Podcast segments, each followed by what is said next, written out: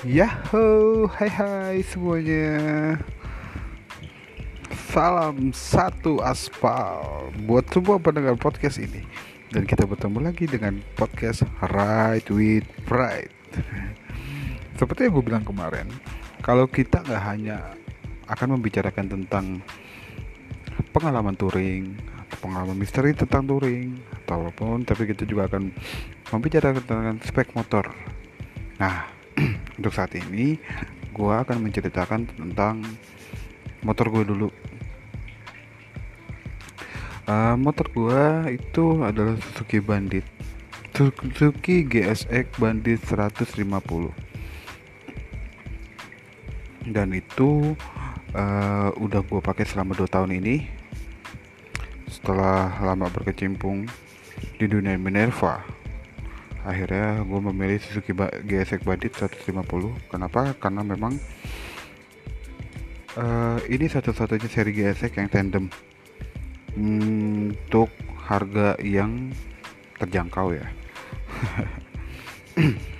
Dimensi dari motor ini itu panjangnya sekitar 2000 mm lebarnya 745 mm dan jarak pijaknya 150 mm jadi kalau misalnya tinggi lo sekitar 170 cm itu bisa napak sih. Tapi kalau tinggi lo kurang dari 160 cm kayaknya agak jinjit ya. Tapi worth it lah untuk motor 150 cc dengan desain motor laki. Ya kalau gue bilangnya Satria bertengki ya karena memang lampunya itu mirip banget sama Satria. Walaupun sebenarnya untuk lampunya itu dia lebih besar beberapa milimeter untuk di bracketnya. Dan memang memang uh, ininya pun apa namanya untuk lampunya mungkin agak lebih besar punya bandit dibanding sama Satria Satria FUFI ah berat kosongnya itu 135 kilo 135 kg 135 kg dan itu uh, buat gua cukup enteng ya. Untuk motor batangan. Karena setahu gua ya mungkin setahu gua sih ini. Untuk motor di kelasnya akan lebih berat beberapa kilogram. Gitu deh. Nah kalau untuk lihat desainnya mungkin nanti di foto akan gue pajang foto motornya. Motor ini uh, berjenis motor 4 tak dengan water cool dengan water cooling jadi dia ada bukan oil cooler yang dia pakai tapi dia pakai radiator. Kayak gitu. Uh, dengan sistem katupnya DOH, DOHC 4 valve. Uh, buat gue motor ini lumayan bertenaga sih. Dengan gua yang beratnya 100 km 100 100 lebih lah 112 kg gue masih bisa memacu kecepatan sampai 125 km per jam. Lumayan gue lumayan bertenaga tapi ada kelemahannya. Tetap satu hal yang bisa diciptakan pasti memiliki kelemahan kelemahannya ada di saat kita menanjak.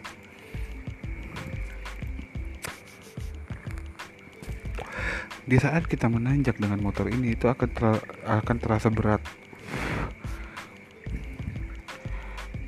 Uh, entah dari mata gear yang 428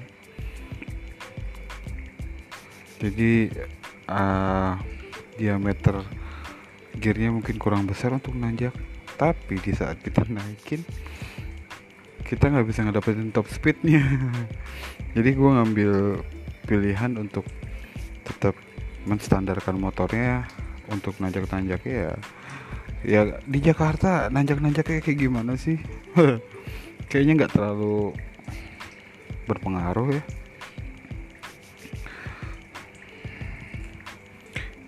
ini namanya motor 150 cc otomatis ya hanya satu silinder. Hanya satu silinder. Uh, tenaga maksimum yang akan yang bisa dicapai adalah 141 kWh per 10.500 rpm dan ini cukup tinggi limitnya limitnya cukup besar kayaknya. Kalau dibanding motor-motor lawannya gue rasa limitnya lumayan tinggi 10.500 sistemnya satu elektrik dan memiliki 6 gigi. Transmisinya 6 gigi. Dari pengalaman gue agak uh, uh, lebih ke kata menyenangkan sih untuk motor ini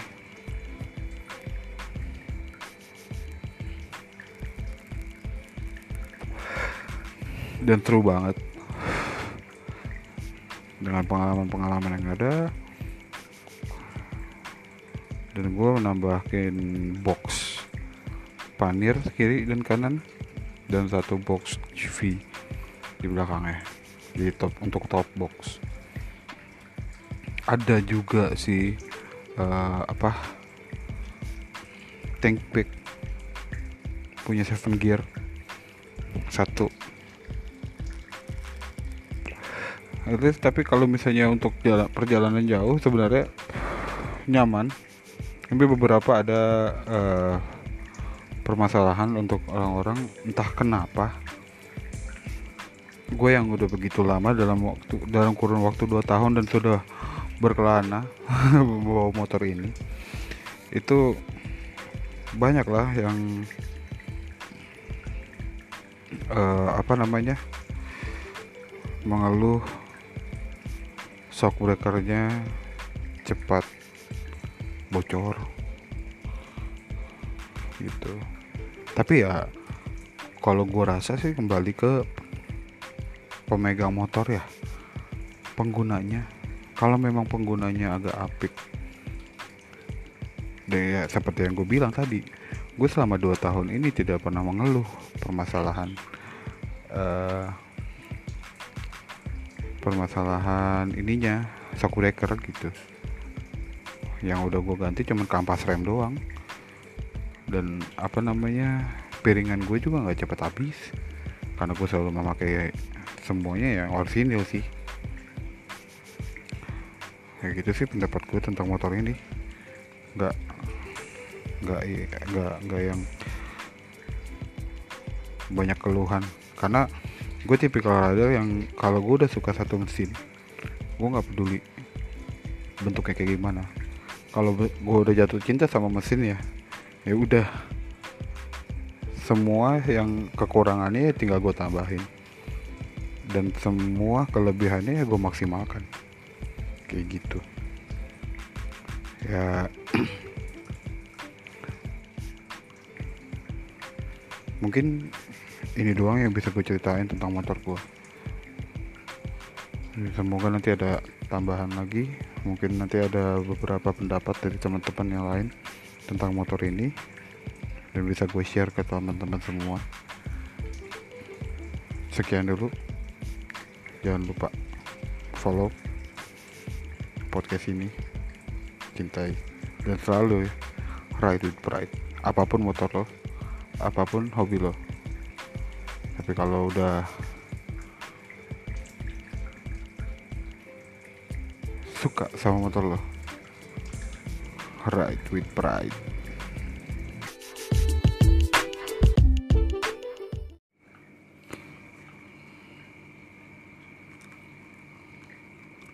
Hai hai semuanya, salam satu aspal. Buat semua pendengar podcast ini dan kita bertemu lagi dengan podcast Right with Pride Jadi gue dapet kiriman cerita nih dari temen gue Namanya Ridwan, dia orang Bandung. Nah, ya udah kita bacain aja dulu ceritanya ya. Nah, Namanya Irwan. Halo, saya Irwan dari Bandung. Nah, saya punya hobi solo touring dan paling suka solo touring di malam hari. Jika touring saya nggak pernah jauh.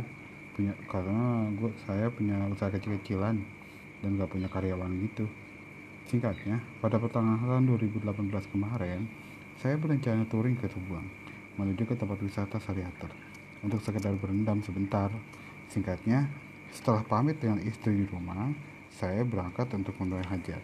Saat itu sekitar pukul 6 sore selesai sholat maghrib saya menyalakan motor kesayangan saya. Saya pas lagi manasin motor saya berpikir kalau lewat jalur utama yaitu jalur Budi pasti bakalan macet. Karena malam itu malam Sabtu. Ya maka saya putuskan lewat jalan alternatif jalan Cihanjuang Parompong. Saat di perjalanan apesnya ternyata turun hujan. Karena saya ingat bahwa jas hujan akhirnya saya menepi di bawah pohon besar. Karena di sekitar nggak ada yang namanya bangunan untuk berteduh ribet juga setelah saya menepi dan mengambil jas hujan saya dikejutkan oleh seorang ibu-ibu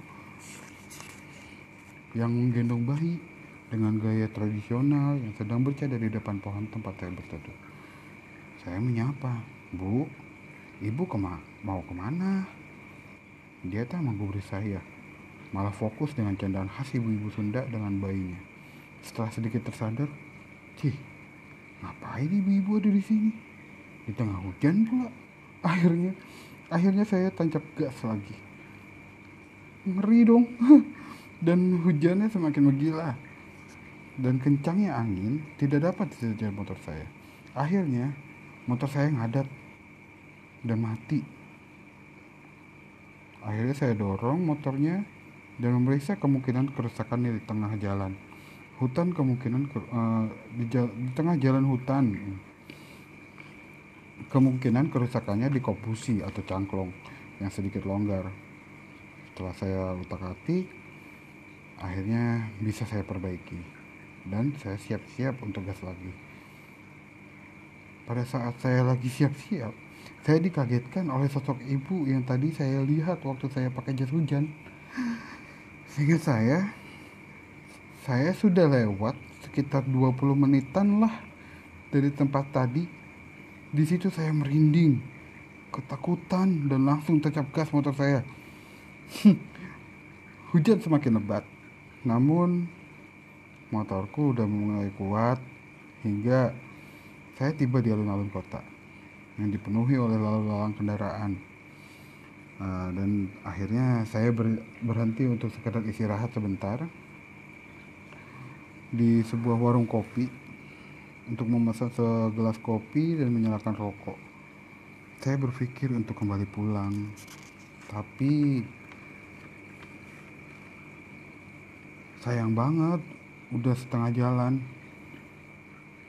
Ya, tapi juga kalau diingat-ingat, sebentar lagi saya akan melewati tanjakan Emen untuk mencapai Sariater bro tahu kan cerita tanjakan Emen hmm, enggak. Asli gue nggak tahu. Di warkop itu saya nongkrong cukup lama. Berpikir untuk lanjut pul lanjut atau pulang aja. Cuma ya saya putuskan untuk lanjut lah. Karena di sana saya akan berendam air panas melepas penat dan lelah. Setelah dirasa hujan cukup reda saya putuskan untuk melanjutkan perjalanan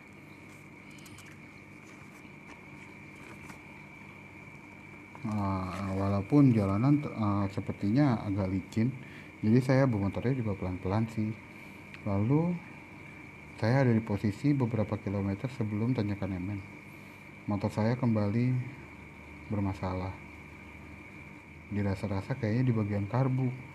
Menurut pengalaman touring saya sih kemungkinan bensin habis.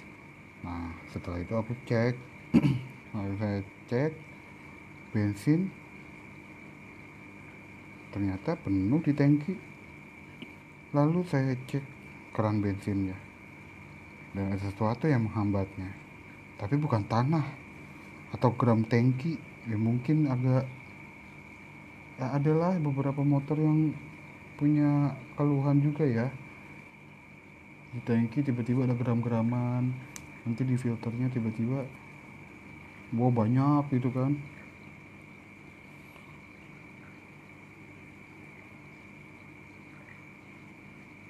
itu lebih kelihatan seperti serabut atau rambut. Hah? saya bingung kok bisa ada rambut di tangki? Dan akhirnya motor nyala. Dan akhirnya motor nyala lagi. Dan satu satu lagi keanehan. Pada saat saya berjalan kok sepertinya saya ada di posisi untuk balik ke Bandung